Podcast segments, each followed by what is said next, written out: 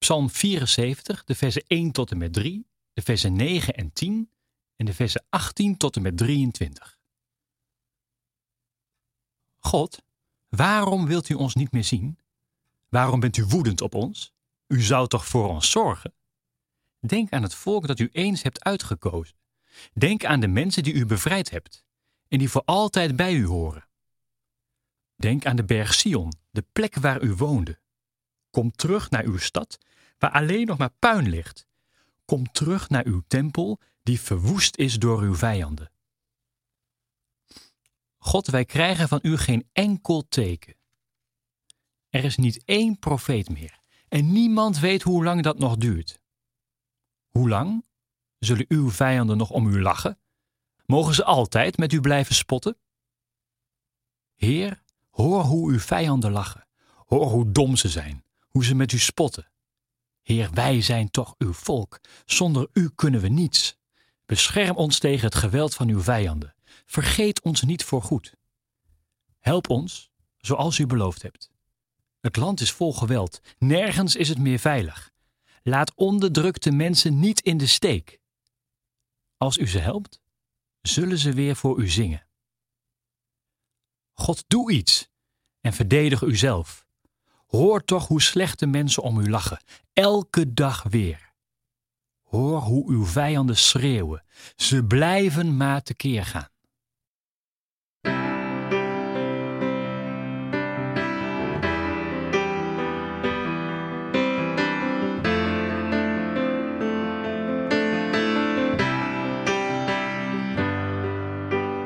Als de oorlog komt en als ik dan moet schuilen, mag ik dan bij jou?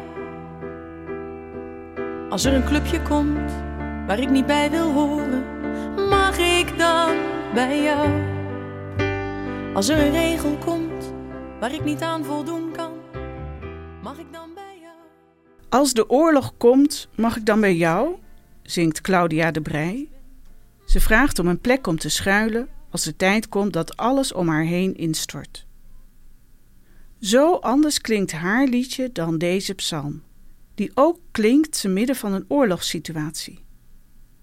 De psalmdichter is wanhopig, maar hij schrijft geen lief liedje zoals Claudia. De tekst klinkt verbeten en staat vol van verwijten. Er was namelijk allang afgesproken tussen God en het volk dat het volk zou kunnen schuilen bij God. U zou toch voor ons zorgen, zegt hij. En later: Help ons. U heeft het ons toch beloofd? Maar nu het zover is, lijkt God de grote afwezige. God heeft zich teruggetrokken. De verwoesting van de stad, de verwoesting van de tempel, uit niets is gebleken dat God zijn volk te hulp is gekomen. Geen enkel teken hebben ze gekregen. Het zou je maar gebeuren. Als alles om je heen instort en waar je ook kijkt, hoe je ook zoekt, dat je dan geen spoortje, geen sprankje hoop kan vinden, laat staan iets van God. En of dat nu gaat om een alles verwoestende oorlog of om diep verdriet, tegenslag dat je van de sokken blaast. Wat doe jij in zo'n geval? Blijf je dan stil in jezelf gekeerd? Of lukt het je er iets van te delen met anderen? Merk je dan nog iets van God of blijft het ijzig stil? Wat ik er zelf van gemerkt heb, is dat God niet zomaar op afroep verkrijgbaar is. Daarom spreekt me deze psalm wel aan. De psalmist geeft niet op en blijft maar proberen om God in beweging te krijgen.